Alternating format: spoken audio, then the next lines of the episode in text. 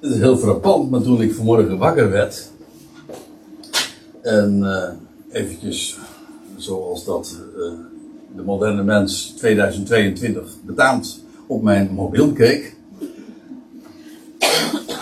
Toen kreeg ik een herinnering van, uh, van de cloud waarin ik mijn gegevens allemaal verzamel. En namelijk dat wat ik 20 jaar geleden deed. En uh, allemaal, uh, nou eigenlijk met, met, foto's. Toen gingen wij namelijk op deze datum, 20 jaar geleden, gingen we naar het Dolfinarium als gezin. En daar waren allemaal foto's van uh, achtergebleven. En dat was erg leuk om te zien. Maar dat was precies 20 jaar geleden. En, nou, ik, ga, ik, ik zal u dit zeggen, ik ga het daar verder niet over hebben. Maar ik vond het wel heel apart dat dat mij erg herinnerde aan het onderwerp wat mij deze week erg bezig hield. Twintig jaar en daarna. Kijk, nou laat ik eerst eens eventjes een paar dingen vooraf daarover mogen zeggen. En uh, ik zei al eventjes uh, dat dit een onderwerp was uh, dat onze broeder en vriend Daniel ook heel erg bezig hield. Nog vrij recentelijk hebben we daar ook nog over zitten appen hoe dat nou precies zit met, uh, met, met, die, met die 2000 jaar waarin we leven en die bijna ten einde loopt. En, het was een zeer favoriet onderwerp. Logisch, want het bepaalt ons bij onze geweldige verwachting. Wat bedoel ik dit? Wat bedoel ik daarmee? Nou, degene die, die hier vaker komen, en dat zijn de meeste, maar die, die weten maar al te goed hoe dikwijls hier gewezen wordt op de bijzondere tijd waarin wij nu leven. Dat wil zeggen tussen de eerste en de tweede komst van Christus in. En eigenlijk die tijd die een onderbreking is, omdat Israël als volk tijdelijk terzijde staat. En op een verborgen wijze hebben de profeten daar al over gesproken. En die hebben ook al gezegd van ja, dat zou twee dagen duren. Israël zou als natie twee dagen dood zijn. En dan zou na twee dagen de Heer tot hen komen. En de Heer zou hen doen herleven op de derde dag. En ja, dat is wat we allemaal weten. Ik zelfs als je de profetische betekenis ervan niet kent, dan weet je allemaal van, ja, de derde dag, dat is de dag van de opstanding. Dat is de Bijbelse boodschap. Ja, dat klopt. Maar dat heeft ook een hele uh, diepe betekenis in verband met het volk Israël. Want profetisch gezien is het zo dat juist dat over de natie, over het volk van Israël gezegd wordt, dat de Heer na twee dagen tot hen zou terugkeren. En dan zou hij zich bekend aan hen maken en dan zou hij hen doen herleven op de derde dag. Nou, dat is een onderwerp wat, uh, wat heel dikwijls uh, aan de orde wordt gesteld. En vooral ook vanwege de actualiteit, omdat we, uh, hoe dan ook, en hoe we precies moeten rekenen, dat is nog even een, een, een kwestie waar je over zou kunnen spreken. Maar, en of het een precieze periode is of een, een globale of een ongeveer aanduiding. Al dat soort vragen, die ga ik, daar ga ik niet over hebben. Maar die twee dagen spreken van 2000 jaar. Want zo rekent de Heer nu eenmaal.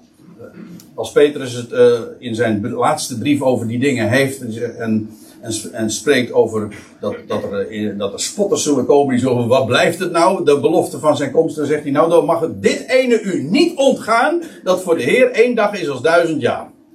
En duizend jaar als één dag. Hij spreekt twee keer over een dag en twee keer over duizend jaar. Nou ja. Uh, over 2000 jaar, daar hebben we het over. En ja, en de aardigheid is dat daar niet alleen maar directe profetieën over zijn, maar ook vele typen van die twee dagen die we in de Bijbel vinden en, en de derde dag. over, over het volk eh, van Israël dat daar bij de Sinaï verblijft, bij de berg Horeb, en dat de Heer dan na twee dagen op de derde dag neerdaalt onder luid bazuingeschal of over Hiskia die na, op de derde dag naar het huis des Heren zou gaan. Naar, eh, over Jona, die op de derde dag eh, uitgespuugd wordt. En eh, die, die, die periode, ehm, dat wil zeggen, alsnog zijn. Hij, hij bevond zich in de zee en dan komt hij weer op land. En dan gaat hij alsnog dat wat hij had moeten doen, uh, vervullen. Maar daar zit die onderbreking in. En dan heb je de bruiloft van Cana. Op de derde dag was er een bruiloft. Nou ja, uh, daag me niet uit, maar uh, dan zitten we hier nog wel even hoor. Als we, als we de, de reeks helemaal uh, willen completeren. Maar het gaat er maar even om hoe vaak dat in de Bijbel ook in typen, in beeld, ge, daarop gewezen wordt. En dan heb je nog andere typen ook van die twee millennia, van die 2000 jaren.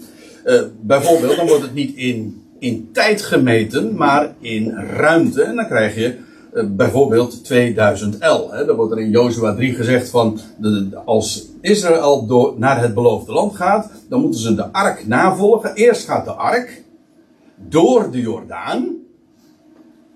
Een beeld van de dood.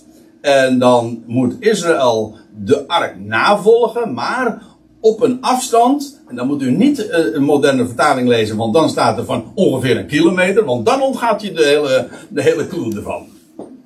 Het klopt wel hoor, ruimtelijk, maar dan snap je het niet meer. Het gaat er juist om die 2000. want Israël volgt de ark, Christus, na, maar op een afstand van, twee, van 2000 L ongeveer staat er dan. Trouwens, diezelfde lengte eh, komen we dan ook weer tegen in verband, maar dan wordt het een sabbatsreis genoemd, maar dat is ook weer uh, 2000 L. En dan lees je bijvoorbeeld dat de Heer van uh, de Olijfberg ten hemel vaart. En dan, dan, keren ze, uh, dan keren de discipelen weer terug naar Jeruzalem. En dan staat er van dat was ongeveer een sabbatsreis afstand. Dat wil zeggen, de Heer gaat vaart ten hemel. En dat is op de Olijfberg. En dan Jeruzalem, de stad van de grote koning. Hoe lang, wat is de afstand tussen die beiden? Nou, een sabbatsreis, 2000 L. Hij vaart een hemel. En wanneer zal hij als koning in Jeruzalem zijn plaats nemen? Wel, daar zit een tijdsruimte tussen. Namelijk die van 2000 L. En dan krijg je ook nog het idee van, wat je op allerlei manieren weer tegenkomt, van twee jaar eh, dat iemand in de gevangenis verblijft. Jozef bijvoorbeeld. En uh, Paulus, uh, bij meerdere gelegenheden zelfs, in Caesarea heeft hij twee jaar gevangen gezeten. Later in Rome ook twee jaar, in die twee. En nou, kom nou eens bij je onderwerp, dat doen we nu dan. Ook 20 jaar. namelijk, dan krijg je dezelfde tijdspannen, alleen wordt het dan op een andere wijze geformuleerd. Namelijk niet in termen van millennia, dan krijg je de twee. Of uh, ja, twee jaar, twee dagen. Uh, of twintig jaar, maar dan is het een uitbeelding van twintig eeuwen. En ik ga u in deze studie, of in deze toespraak, hoe u het ook maar noemen wil, wijzen op een zevental voorbeelden. Nog niet zo heel lang geleden, toen heb ik uh, gesproken in Den Haag, waar ik daar volgende week ook weer mag spreken. Maar uh, toen had ik het over Isaac. En dat, uh, ja, je leest dat, dat hij dan God bidt. En God, dan lees je ook, God laat zich verbidden. In verband met het feit dat Rebecca onvruchtbaar bleek te zijn. Um, want dat, de situatie was deze. Laat ik het even kort zeggen. Ik, de, de, aardigheid is, en dit is tamelijk uitzonderlijk voor de wijze waarop ik dat nu presenteer. En dat is dat ik in dit geval, uh, ik, ik, ik, verwijs naar schriftplaatsen, maar zonder daar uh, direct naartoe te gaan. Want dat zou echt veel te ver voeren. Kijk, je leest dit. Isaac was 40 jaar oud toen hij trouwde met Rebecca. Uh, in dat staat in Genesis. Ik geef expres wel altijd de bonnetjes erbij, zodat u het allemaal na kunt lezen. Uh, dit, is, dit is dus niet discutabel, het staat gewoon bij vermeld. En dat hij 40 jaar oud was toen hij trouwde, daarvan, nou ja, dat is een bekend gegeven geworden. Hè? Dat is de ideale leeftijd, maar daar heb ik het ook niet over. Dan lees je dat hij 60 jaar oud was toen Rebecca alsnog zwanger werd. Want dat is dus het hele verhaal. Rebecca, 20 jaar hebben ze moeten wachten op een kind. En toen kregen ze meteen tv. Wat ook nog uh, nogal problematisch was. Dat uh, al tijdens de zwangerschap. Toen maakten ze al ruzie. Maar uh, En dan lees je ook inderdaad dat, uh, dat Rebecca was onvruchtbaar en, en, en Isaac bad tot God hè, dat zij uh, toch maar vruchtbaar zou worden. En, ik, en, en, en dan lees je, en God liet zich verbidden. En een heleboel mensen die denken dan, en dat was toen ook het, de, het idee van die toespraak die ik destijds in, in Den Haag hield, namelijk dat mensen dan zeggen van ja, weet je, uh, als je nou maar, je hebt je wensen en God vervult dat niet, dan moeten we, dan moeten we intensiever gaan bidden of moeten we meer mensen, zeg maar, uh, bij elkaar brengen of gebedskettingen of, nou ja, we moeten de hemel bestormen om God eigenlijk heel veel petities indienen bij het hemelshof zodat hij dan wel moet zwichten voor onze wens. Als we dat een beetje kracht kunnen bijzetten. Neem me niet kwalijk, ik vind het een bizar idee. En ik zal u ook dit vertellen. God liet zich niet verbidden omdat Isaac zo intensief bad. Kan ik u ook vertellen. Hoe weet ik dat? Nou, Isaac wist namelijk gewoon, omdat God beloofd had, dat God had ooit gezegd uh, tegen Abraham al. Abraham heeft er ook uh, enorm zitten, mee zitten stoeien. Ook in verband met het feit dat zijn vrouw onvruchtbaar was. En het, in feite, het hele Bijbelse verhaal is altijd dat vrouwen die geen kind kunnen krijgen, alsnog een kind krijgen. Een Sarah, een Rebecca, later Rachel, lees je dat ook. Nou, iedere keer. God wekt in, in een, een verstorven moederschoot, hè, zo, wordt, zo spreekt de Bijbel erover, brengt God nieuw leven voort. Eigenlijk het universele Bijbelse verhaal, daar waar de dood heerst, brengt God leven. En uh, trouwens, God had al tegen Abraham ooit gezegd: Door Isaac zal men van uw zaad spreken. Dat wil zeggen, jouw nageslacht zal groot zijn. En niet via Ismaël, maar via Isaac. Dus Isaac wist al: Ik word net als mijn vader, de vader van vele volkeren. Dus Isaac wist op voorhand al van Gods belofte. En hij had het vertrouwen er ook op dat God dat zou vervullen. En op grond daarvan bidt hij ook. En heeft hij ongetwijfeld ook God gedankt. En God liet zich verbidden. Ja, waarom? Niet omdat God van gedachten veranderde. Isaac herinnerde God gewoon aan Gods belofte. Dat was het verhaal. Maar, uh, nou, waar het om gaat, is dat zij twintig jaar lang hebben moeten wachten voordat daar inderdaad sprake was van de vervulling van Gods belofte. Nou, eigenlijk zet dat de toon ook voor, uh, voor deze, voor de, voor de voorbeelden die ik nu nog meer ga geven. Deze twintig jaren, en ik, ga, ik zei al, ik, ga zeven voorbeelden geven van tijdsperioden van twintig jaren. Die twintig jaren spreken van de tijd waarin een mens moet wachten op de vervulling van Gods belofte. Die komt wel, maar daar, uh, dat is soms een kwestie van geduld. En dat is in dit geval ook zo. En dat geldt in feite als je het heel even uitzoomt. Niet over ons eigen kleine leventje het hebben. Maar gewoon het meer heilshistorisch bekijken. En uh, even uitzoomen in, in de tijden. In, in, denken in termen van eeuwen en millennia. Ja, dan is het zo dat God laat. Die heeft zijn belofte gegeven de zoon van Abraham zal komen, het zaad van Abraham zal komen en via hem zullen, zullen alle geslachten van de aardbodem gezegend worden. Maar het is even wachten. Hoe lang? 20 jaar. Waar is het een beeld van? Van 20 eeuwen. Na 20 eeuwen gaat God alsnog dat doen. Wat je trouwens ook nog een heel apart verhaal, maar die geef ik er eventjes extra als bonus bij. Uh, dat je dus uh, krijgt dat, uh, dat Isaac is 40 dat hij trouwt. En dan tot zijn 60ste is hij dus uh, nog steeds kinderloos. En dan na het uh, zesde decennium, breekt dus het zevende decennium aan. En dan krijgt hij het, het, kind. Maar ik zal u dit vertellen. Nou krijg je eventjes het grote heilshistorische verhaal. Dan krijg je ook het verhaal van 4000 jaren. En dan vervolgens ja, dan heb je Adam, 2000 jaar later Abraham. Ongeveer? Nee, precies. Abraham wordt geboren in het jaar 2000 vanaf Adam gerekend. Daar hebben we het trouwens ooit ook wel eens over gehad. Maar goed. En dan uh, weer 2000 jaar verder. Die is iets gecompliceerder, want er zit een paar jaar speling in. Maar uh, Christus. En dan 2000 jaren lang. Ja. Het koninkrijk zou komen toch met de Christus? Jawel, maar is wachten. Hoe lang? Nou, inmiddels 2000 jaar. En daarom vind ik het zo'n onderwerp wat ja, des te meer uh, gaat spreken. De termijn loopt af.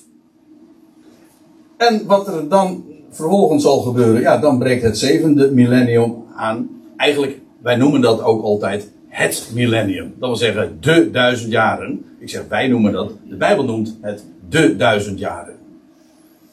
De grote Sabbat, de zevende dag. Wat dacht je daarvan? De zevende dag die zal aanbreken voor de mensheid. En dat zal de dag van hem zijn. De zevende. Dus uh, die structuren, ja, die mogen je niet ontgaan en ik wijs u er graag op. Hebben we nog één. Uh, Jacob. Van Jacob lees je dat hij twintig jaar verblijft bij zijn oom Laban in het buitenland. Een heleboel mensen denken dat het toen nog een jonge vent was toen hij vluchtte. Maar dat is niet zo. Hij was 77 jaar oud. Ik ga dat nu niet voorrekenen, want het is een beetje lastig. Maar het is wel degelijk vanuit de Bijbelse gegevens terug te rekenen. Hij was 77 jaar oud. En hij was 91 toen hij Jozef kreeg. Dat was de laatste dan. Nee, dat is niet waar trouwens. Uh, hè? Ja, we kregen nog een Benjamin. Uh, nou, dan weet ik even niet hoe het precies zit. Maar in ieder geval, um, kijk. je leest dat de, die, periode van 20 jaar wordt ook echt benoemd. bijvoorbeeld in Genesis 31, vers 40, dan lees je dat Jacob aan het einde van die periode van 20 jaar tegen zijn oom Laban zegt: Het is nu 20 jaar dat ik, Jacob, in uw huis, in uw huis, namelijk die van Laban, geweest ben. Daar buiten de landsgrenzen, in het uh, huidige Irak, zeg maar. Ik heb u 14 jaar gediend, twee keer 7 jaar, om uw beide dochters. En zes jaar nu om uw vee. En gij hebt mijn loon tienmaal veranderd. Dan denk je van nou, dat, dat, is een compliment. Zeker tien keer promotie. Nou, of, opslag. Nee, dat is, dat is niet de gedachte. Kijk het maar eens na hoe dat zit. Want ja, dat is namelijk geweldig. Dus, er zitten zulke prachtige dingen. Hoe Jacob dan zijn kudde dan ook weer op een, uh, ja, geweldige wijze uh, uitbreidt. Daar zit, daar zit ook heel veel typologie in. Daar hebben we het ook wel eens over gehad. We hebben eigenlijk al heel aardig wat besproken hoor. Uh, hè? Al die jaren hier. Maar twintig jaar dus, hè? En je weet, weet je wat zo aardig is? Eh, dan lees je als Jacob vlucht. Ja, echt Jacob, hè? want hij had zijn, zijn vader bedrogen, eigenlijk zijn broer ook. En, ehm, en dan lees je, hij vlucht uit het land. En er staat er in Genesis 28, 11, en de zon ging onder. Nou, het, is haast poëtisch. De zon ging onder. En weet je wat ik dat nou zo aardig vind? Ook dan, dan, dan, legt hij zijn hoofd op een steen. En dan gaat hij dromen. Dan denk je van, dan gaat hij nachtmerrie krijgen. Mm Of dat God zegt, oh Jacob, wat zit je toch weer te emmeren en, en wat denk je toch allemaal. Nee, niks ervan. God herhaalt de belofte die hij heeft gesproken ooit aan, zijn opa Abraham, aan zijn vader Isaac. En nu krijgt Jacob het weer. Zo, gratis voor niks. Ja, dat dacht Jacob niet. Jacob dacht dat hij het moest verdienen. Dat denken alle mensen altijd. Toch weer iets van zichzelf. Maar oké, de zon ging onder toen Jacob vluchtte. En dan lees je later, na die twintig jaren, als hij daar bij zijn oom Laban is geweest in het buitenland, dat de zon ging op. Weet je wel, dan komt dan, dan doorwaart hij die, die, dat riviertje, de Jabok. Jacob, Jabok. En dan krijg je, dat is een hele omkering in zijn leven. Want toen werd Jacob Israël. En zo ging hij als Israël alsnog het beloofde land in. Na twintig jaar. En toen ging de zon op. De duisternis was voorbij. Toen brak het licht aan. Nou, uh, ik, dit is echt een inkoppertje hoor. Want je zou zeggen van, uh, vul het plaatje uh, of de, het, ja, de kleurenplaatje in de maar in. Want Jacob staat onder andere. Ja, ik zeg dat er maar even bij, want er zit nog veel meer aan vast. Maar hij staat onder andere model voor Jacob. Ik bedoel, het huis van Jacob, het volk van Jacob. Dat ook gedurende twintig jaren eh, pardon, gedurende 20 eeuwen in het buitenland is. En dan is het donker. Maar als ze weer terugkomen en daar die omkering plaatsvindt en Jacob wordt Israël en ze komen weer in het beloofde, dat is na een periode van 20 eeuwen. Ja. Nou heb ik er nog één. Met dank aan Gerard. ja, want ik had uh, onlangs dus gesproken, zoals gezegd, in Den Haag. En toen, en toen uh, Gerard, die aankomende zaterdag trouwens de uitvaart mag leiden van uh, Daniel. Maar die, die appte mij toen. hij zei, ik heb er nog eentje voor je. Of voor, nou, ik weet niet of je mij, aan mij gaf, maar in ieder geval, hij zei, ik heb, ik heb er nog eentje van 20 jaar. Die je niet direct zou zien. Hij zegt, maar dat is in de geschiedenis van Jozef. En daar wil ik u graag op wijzen. Kijk, je leest van Jozef in Genesis 37 dat hij 17 jaar oud was toen hij verkocht werd door zijn broeders. Ja, Jozef, hè? De geliefde door zijn vader, maar gehaat door zijn broeders. En toen werd hij, uh, toen werd hij gedood. In ieder geval, dat dacht Jacob, hè, want eh, zijn, zijn, zijn had veel kleurige gewaad werd in bloed gedoopt. En toen kwam hij onder de grond terecht.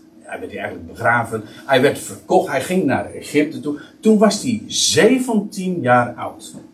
Je leest vervolgens in Genesis 41 dat hij 30 jaar oud was toen hij onderkoning werd van Egypte. Dus gedurende 13 jaar lang is hij daar in Egypte geweest. Heeft hij daar bij Potifar in huis gediend. En heeft hij, uh, is hij ook, heeft ook nog twee jaar in de gevangenis gezeten. Jazeker.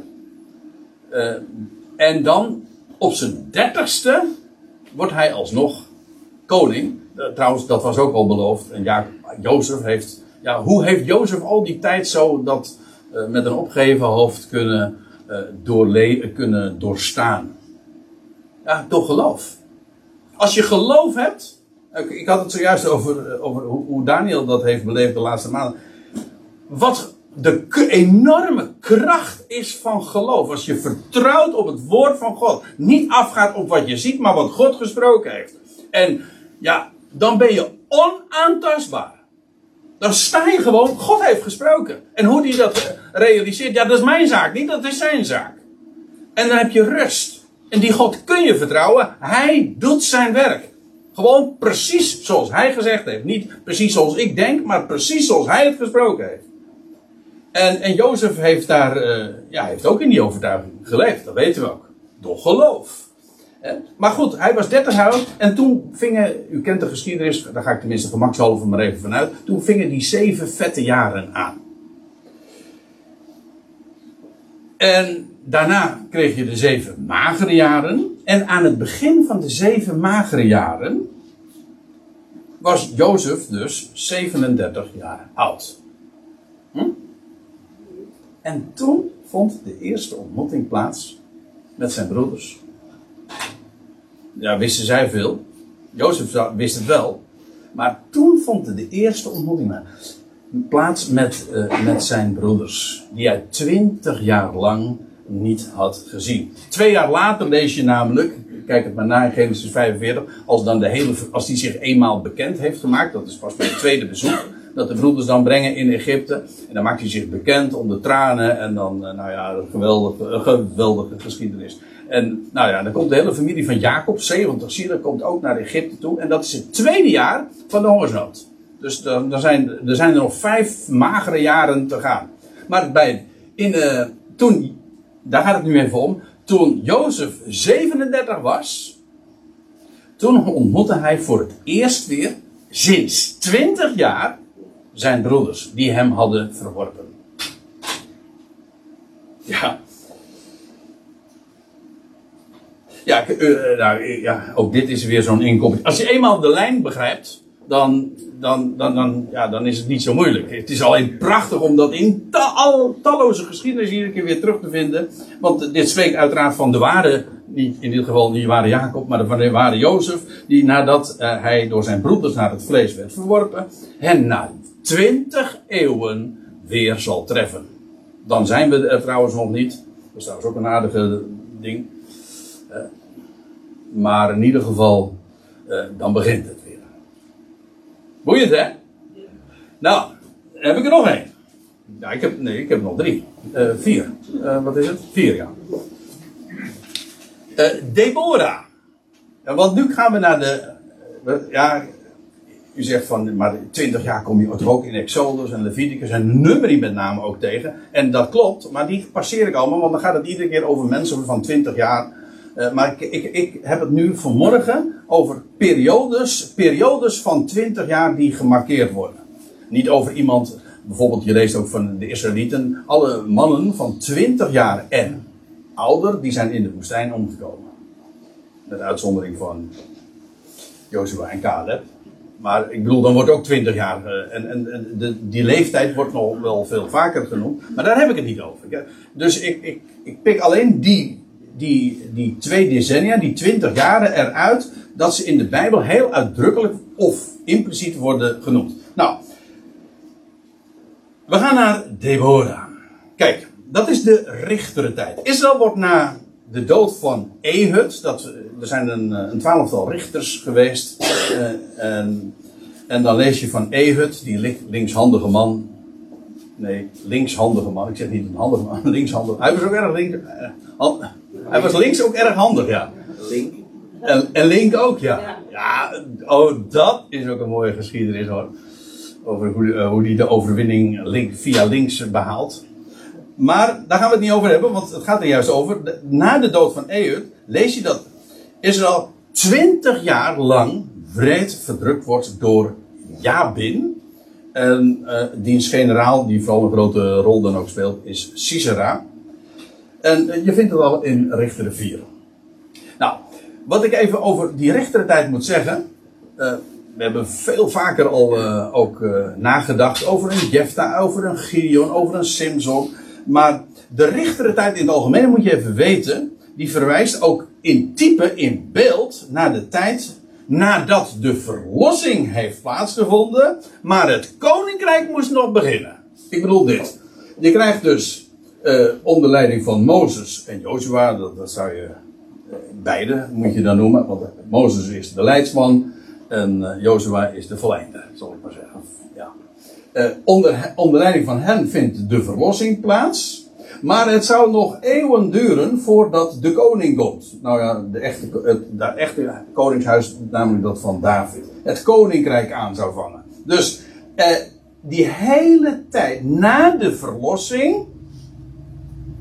Maar voorafgaand aan dat het koninkrijk gevestigd wordt. Dat is de richtertijd. En als je het zo ziet, dan begrijp je, hé, hey, die rechtere tijd, dus typologisch slaat dat eigenlijk op onze tijd. De verlossing heeft uh, al weliswaar uh, plaatsgevonden.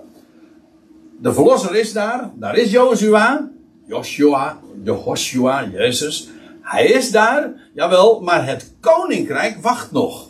En dat is de rechtere tijd. Nou, nou lees je die twintig jaren dat Jabin uh, Israël wreed verdrukt.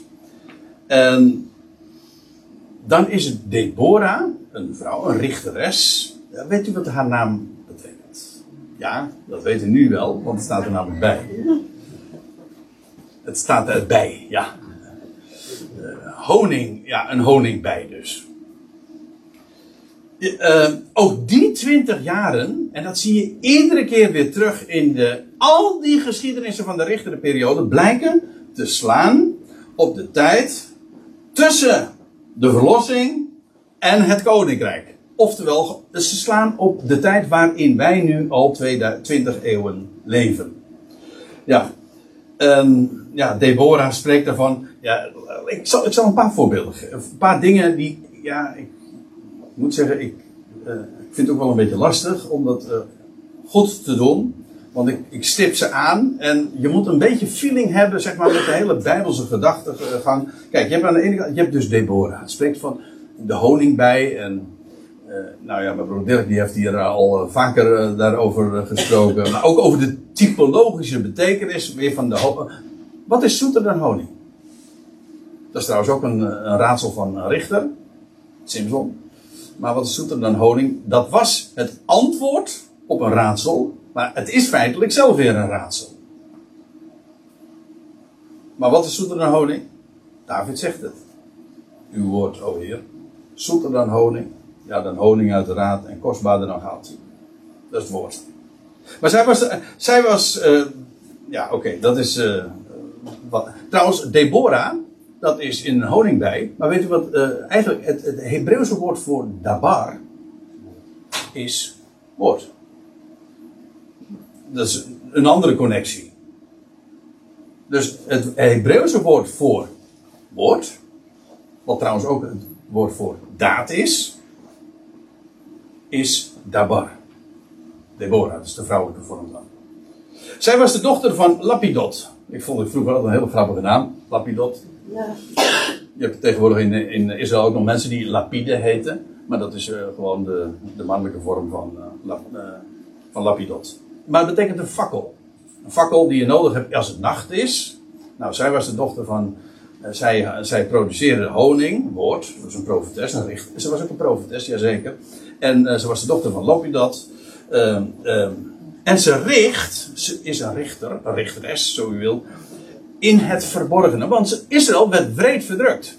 En toch gaf zij leiding aan dat volk, maar in het verborgene. En dan staat er onder de palmboom. en die palmboom heette de Deborah-palm. ja, en de palm is ook in de Bijbel weer van een beeld van koningschap, maar in dit geval van verborgen koningschap. Ze verblijft, staat er dan nog bij, ik, eh, dat vind je allemaal in, uh, wat is het, uh, moet ik het goed zeggen, Richter 4, de eerste verse. Uh, ze verblijft op het gebergte van Ephraim, op de hoogte, daar is ze. Zij is op de hoogte. Daarom kon ze ook natuurlijk het woord doorgeven. Maar ik doe ook letterlijk op de hoogte en het gebergte van Ephraim. En Ephraim is de, spreekt van het eerstgeboorterecht. Waar de, de dubbele zegen naartoe gaat. Dat betekent trouwens ook Ephraim dubbele vrucht. En nou zeg ik dat eventjes ook voor degene die. Uh, uh, dit, dit, is lastig, maar je moet weten, het spreekt ook van de, de, huidige tussentijd. Namelijk dat het eerstgeboorterecht, dat gaat naar Ephraim, naar de natieën toe. Ik, sorry dat ik het niet uitgebreider kan zeggen, maar ik wil u er toch eventjes uh, op wijzen. En daar staat er nog bij dat het was op het gebergte van Ephraim tussen Rama en Bethel. Dat was, de, de, locatie wordt op die manier ook nader aangeduid. En Rama, die, een plaatsnaam die nogal vaker uh, in de richtertijd uh, tijd een, ro rol speelt, betekent hoogte. En Bethel, dat is huis Gods. Nou, dat is waar ze was. En wat ik er eigenlijk mee bedoel te zeggen is, die twintig jaren dat Deborah richteres is. Dat is de tijd van de verborgenheid. Ze, ze, geeft het woord. Ze is op de hoogte. Daarboven is ze. Ja. En de eerstgeboorte zegen. Daar heeft ook de eerste, die twintig jaar alles mee te maken. De hoogste zegen die God te geven heeft, gaat vandaag naar Ephraim. Die het vergeven juist in deze tijd. Er is, laat ik het simpel zeggen. Er is geen grotere zegen denkbaar die God aan een mens kan geven dan wat hij van in deze twintig eeuwen weggeeft. Er is de hoogste zegen is voor de Ecclesia die vandaag uitgeroepen wordt. Namelijk die het lichaam is van Christus. De hoogste zegen. Absoluut. Dat gaat nog ver boven wat Israël straks op aarde ten deel gaat vallen. Hoe groot en heerlijk dat ook is. Dus die 20 eeuwen, je zegt van ja, het is een onderbreking. Ja, maar ondertussen gebeurt daar heel veel belangrijks. Het is wachten voor het oog en voor dat wat God verwacht, eh, beloofd heeft. Maar in het verborgene doet hij een buitengewoon belangwekkend werk. En heeft hij zoveel rijkdom te vergeven. Ik bedoel, weg te geven. Ja, en wat, uh, nou moet ik het ook nog even afmaken, want na die 20 jaren, je zou het inderdaad ook gewoon zelf kunnen bedenken, maar na die 20 jaren dat Deborah zo in het verborgene richteres is, dan wordt Israël spectaculair verlost. Het is een hele mooie geschiedenis. over hoe dat in zijn werk is gegaan. Pracht, een hele, nou prachtige, ook wel een gruwelijke geschiedenis hoor. Daar heb je er in Richter wel meer van. Ja. En dan krijgt het land rust, staat er. Na die twintig jaren. Maar, dat is toch logisch? Israël wordt dan uh, vervolgens bevrijd. En na de twintig jaren krijgt het land alsnog rust. Oké, we gaan naar Simson. Dus weer een richter. Nou, en spreekt dus ook weer van die tijd. Alles in zijn leven spreekt ook weer van, uh, van die. Uh, van de tijd tussen de verlossing en het koninkrijk. Van de huidige 20 eeuwen. Deborah is inderdaad, ze richtte 20 jaar. Maar van Simson lees je hetzelfde. Hij richtte in de dagen van de Filistijnse overheersing 20 jaar. Het wordt er tot twee keer toe, tot twee keer toe wordt het er vermeld.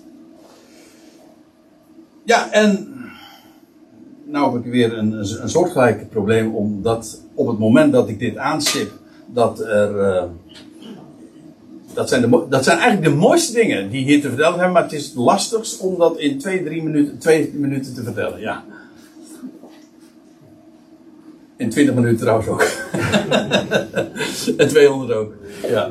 Uh, nou, nee, maar goed, je hebt daar wel wat meer uh, kennis van zaken voor, nodig. Maar het is zo geweldig. Dat is het geweldige. Kijk, de Bijbel is, is een goudmijn. Hè? Ik zei het zojuist al, het is kostbaarder dan goud. Maar goud, dat, moet je delven.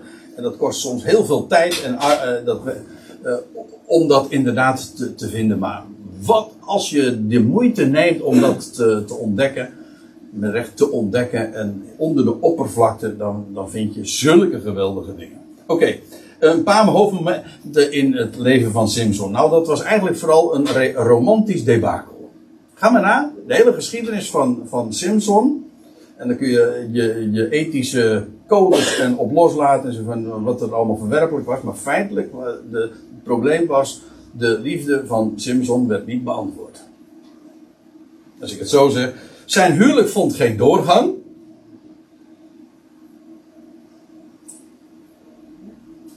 Ja, nou, begrijp, de Heer kwam als bruidegom tot de bruid. Ja, maar het nieuwe verbond. Eh, de grondslag is ervoor gelegd, maar het nieuwe verbond moet nog steeds gesloten worden. En ja, nou ja, dat is het verhaal van, van Simpson. Eh, ook een prachtige geschiedenis. hebben we het ook al eens een keertje ooit uh, in een grijs verleden over gehad. En tijdens die bruiloft, want het huwelijk vond geen doorgang, maar de bruiloft heeft, uh, is er wel geweest. Sterker nog, veel langer dan wij hier ooit gebruikelijk zijn te doen. Zeven dagen. Ja. Uh, en toen heeft hij tijdens de bruiloft ook nog een, een, een, raadsel, een verborgenheid verteld. En daar had ik het zojuist over, over die verscheurde leeuw, weet je wel die had verscheurd, zoals men een lammetje een bokje, geitenbokje scheurt. Dan heb je ook nog die geschiedenis van die, die dramatische afloop van de tarweoogst. Over die vossen, weet u wel. Die, door, het, uh, door de, de graanoogst van de Filistijn, daarmee de, de graanoogst naar de Filistijnen helpt, ja. Dat was de tarweoogst, maar dat is Pinksteren dus. Pinksteren, dat kreeg een dramatische afloop. in feite is ik, het boek Handelingen kun je bespreken. Dus je zou het allerlei titels kunnen geven. Van, van Jeruzalem naar Rome. Maar je kunt ook zeggen. De dramatische afloop van Pinksteren. Trouwens, Paulus arriveerde ooit op, op het Pinksterfeest weer in Jeruzalem. En toen werd hij gevangen genomen. Ja, ik strooi zomaar wat met wat bijbelse gegevens. En, uh, maar ik vind het wel prachtig. Hoor. Maar uh, diezelfde Simpson, hij werd verraden en overgeleverd in het huis van zijn geliefde. En nou heb ik het over Laila, ja. Delila. Simpson betekent trouwens van, komt van Shemes, zon. En Delila komt van Laila, dat is nacht. Eigenlijk ging Simpson onder, Shemes, de zon ging onder in de nacht. Toen werd het donker, ja. Nou, dat is Simpson. Twintig jaar heeft hij gericht. Niet geregeerd, maar gericht. Is hij richter geweest onder het volk. Twintig jaren. Spreekt van de huidige tijd. En trouwens, aan het einde van die 20 jaren vindt er een geweldige overwinning plaats. Wat je ook kunnen bedenken. Hm? Oké, dan gaan we naar de zesde. Uh, het zesde voorbeeld. Samuel. Samuel was trouwens de laatste richter. Uh, van, uh, in, in die hele periode. Zo wordt dat in de Bijbel ook heel uitdrukkelijk uh, gezegd. En dan lees je op een gegeven ogenblik dat de ark, die werd, de ark, de ark van, ik heb het niet over de ark van Noach, dat begrijp je wel. Uh, ik heb het over de ark van het verbond, dat, dat heiligdom, waar, of dat het aller, allerheiligste, wat in, in het heilige der heiligen ook behoorde te staan. Maar die ark, die werd op een gegeven ogenblik ondergebracht in Kiryat Jearim. En ik las dat dat 20 kilometer van Jeruzalem verwijderd was. Maar dat, uh, oké, okay, dat zeg ik er. Uh, ik vond het wel apart. Uh, ik, ja, op een gegeven moment ga je over zulke de, details struikelen natuurlijk. Maar oké, okay. nadat de ark was ondergebracht in Kiryat Jearim, staat er in 1 Samuel 7, volgt er een periode van 20 jaar waarin Israël onderdrukt wordt door de Filistijnen. Eigenlijk is dat trouwens uh, als een rode, loopt dat als een rode draad door de hele richtere periode. Iedere keer weer Israël wordt onderdrukt. Meestal door de Filistijnen, maar ook door Amorieten, de Moabieten en weet ik wat voor iten nog meer. Parasieten. Nee, die niet. Wel parasieten geloof ik, maar goed. Uh, in ieder geval 20 jaar. Kijk, kijk, en dan in die 20 jaar verblijft de ark. En dan moet u weten, de ark is een type van Christus. Ik, in feite had ik het al eerder verteld over de ark die door de Jordaan ging. En Israël moest die ark navolgen. Maar de ark is een type van Christus. Waar het verzoendeksel ook op uh, was. En de, waar ook de staf van Aaron, die gebloeid had, zich in bevond. De ark uh, die hout was, dat wil zeggen vanuit de aarde, maar helemaal met goud overtrokken. Een type van Christus onderwerp op zich, maar dat moet je weten. Nou, die ark die verblijft dan eh, tijdelijk, want ja, ze hoort in het heilige der heiligen, in de tempel te staan, maar verblijft dan tijdelijk in het huis van een Abinadab op de heuvel. Ja, staat er nog bij, staat er heel uitdrukkelijk bij, op de hoogte. Twintig jaar lang, en dan lees je ook nog, ja, daar staat er ook nog bij dat Eleazar uh, gesteld wordt om de, de ark te bewaren en te bewaken. Elias was trouwens ooit de tweede hoge priester. Ja. In deze twintig jaar, um, oh ja, verblijft dus uh, die, die, uh, die ark daar in dat huis. En daarna, en dat is heel apart, na die twintig jaar, dan lees je dat het volk Israël, dit is in, dit is in de dagen van Samuel. Ik geloof dat ik het zojuist al even aangaf, maar in die twintig jaar roept het volk van Israël de naam van uh, God aan. Na die twintig jaar, want ze werden vreed onderdrukt, staat er ook weer. En dan roept Israël de naam van God aan. En dan komt er ook een omkeer van, en dan eindigt die twintig jaar ook. En God brengt vanuit de hemel, er staat het door een machtig rollen van de donder. Zo, eh, het volk van de Filistijnen eh, raakte zo in verwarring. Maar vanuit de hemel antwoordt God zijn volk, dat roept: Heer, help en red ons en bevrijd ons. En na die twintig jaar doet de Heer dat ook. En zo brengt God, ja inderdaad, God, vanuit de hemel een, een, een, ehm, een enorme nederlaag toe aan eh, de Filistijnen. En dan wordt er bij die gelegenheid, die vind ik wel aardig om die even bij te vermelden, want dan weet u ook meteen de hele context daarvan.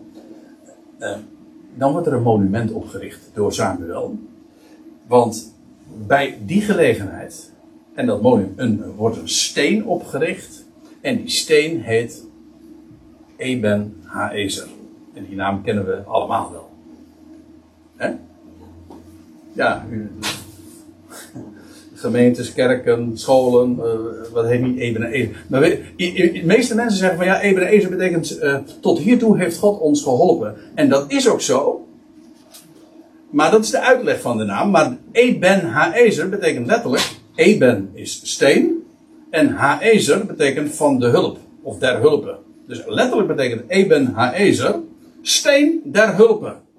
God helpt. Wanneer? Na die twintig jaar. En wat doet hij dan? Dan bevrijdt hij zijn volk. En dan, geeft, en dan brengt hij een nederlaag toe aan, de vijand. En dan gaat hij doen wat hij heeft beloofd. Na die twintig jaar. En Ebenezer is inderdaad een steen van hulp. En dat is wat uh, dat monument ook uitbeeldt. Dus uh, het is na die twintig jaar dat die, dat die steen, dat monument, die opgerichte steen, wordt uh, opgericht. Ja. Ook weer dus na 20 jaar. Nou, en dan komen we bij de laatste. Bij nummer 7, Salomo. Salomo, de zoon van David. Met zijn duizend vrouwen. Ja, duizendvoudige heerlijkheid. Maar het spreekt ook inderdaad van Salomo, die inderdaad de vredevorst is. Salomo betekent trouwens ook vrede, shalom. En Salomo, ja, er is uh, nooit een tijd geweest voor Israël die zo groot en heerlijk was als in de dagen van Salomo. Salomo is een geweldig type van de zoon van David die in Jeruzalem zal heersen. En, en van de duizend jaren. Ja. Dit jaar ook. Ja, dit jaar. Lieveling van God. Ja, lieveling van God, ja.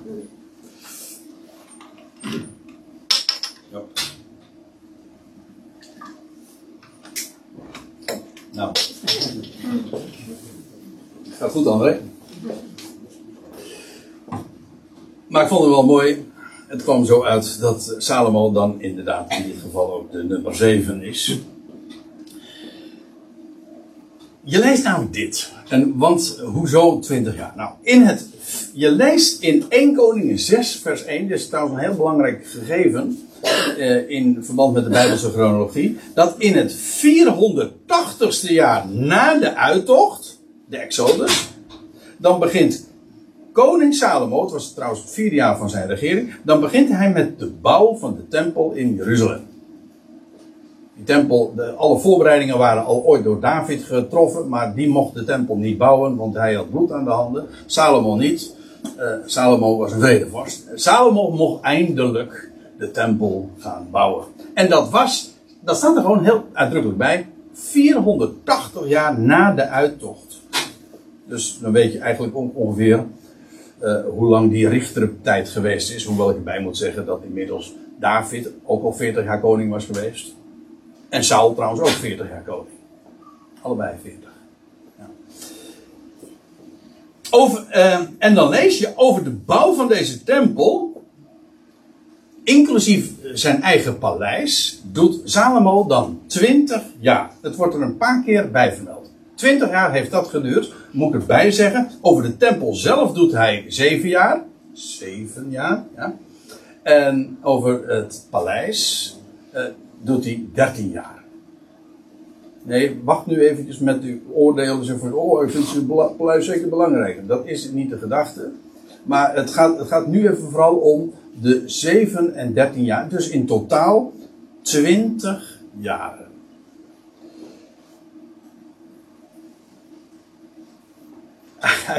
en ja, wat, wat krijg je dus? Uh, in het 480ste jaar begint de bouw van de tempel en van het paleis. Oftewel, de koning-priesterlijke zetel wordt in Jeruzalem in, tot in gereedheid gebracht. Dat is eigenlijk de gedachte. Want de tempel is de plaats waar God zijn naam zou doen wonen. De plaats waar de priester zijn arbeid zou verrichten. De tempel, het huis Gods. En waar ook de zoon van David, letterlijk in dit geval zelfs. En als koning zou regeren. Dus, en het is. Jeruzalem is de stad van de grote priester. Maar het is ook de stad van de koning. Trouwens, en nou is deze ook, die schiet me ter plekke ten nu te binnen. Maar je leest van Melchizedek, die ooit ja, die Abraham ooit ontmoette. Of Abraham ontmoette Melchizedek. Dan kreeg hij brood en wijn en zo. En dan lees je Melchizedek was priester van de Allerhoogste. En hij was koning van Salem. Een van de namen van Jeruzalem. Koning, priester van Jeruzalem. Nou, hoe lang duurt het dat Jeruzalem de stad wordt van de grote koning, priester, en daar de zetel uh, van de hoofdstad van Israël en feitelijk van de wereld gaat worden? Want uh, vergis u niet, Salomo, die heeft een enorm rijk, uh, een wereldrijk zelfs, gecreëerd. En ja, en dat betekent dus dat de bouw van die tempel uh, het 500ste jaar was na de uittocht. Het begon 480 jaar na de uittocht. 20 jaar heeft hij erover gedaan. Dat betekent dus dat de bouw van de tempel en het paleis voltooid was in het 500ste jaar. Na de uittocht. Nou, ik, dan zullen we eventjes een plaatje laten zien. We krijgen dus dit verhaal.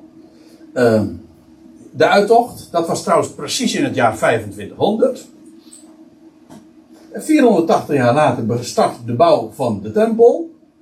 En 20 jaar later is de tempel en het paleis gereed. Dat was trouwens in het jaar 3000 gerekend vanaf Adam.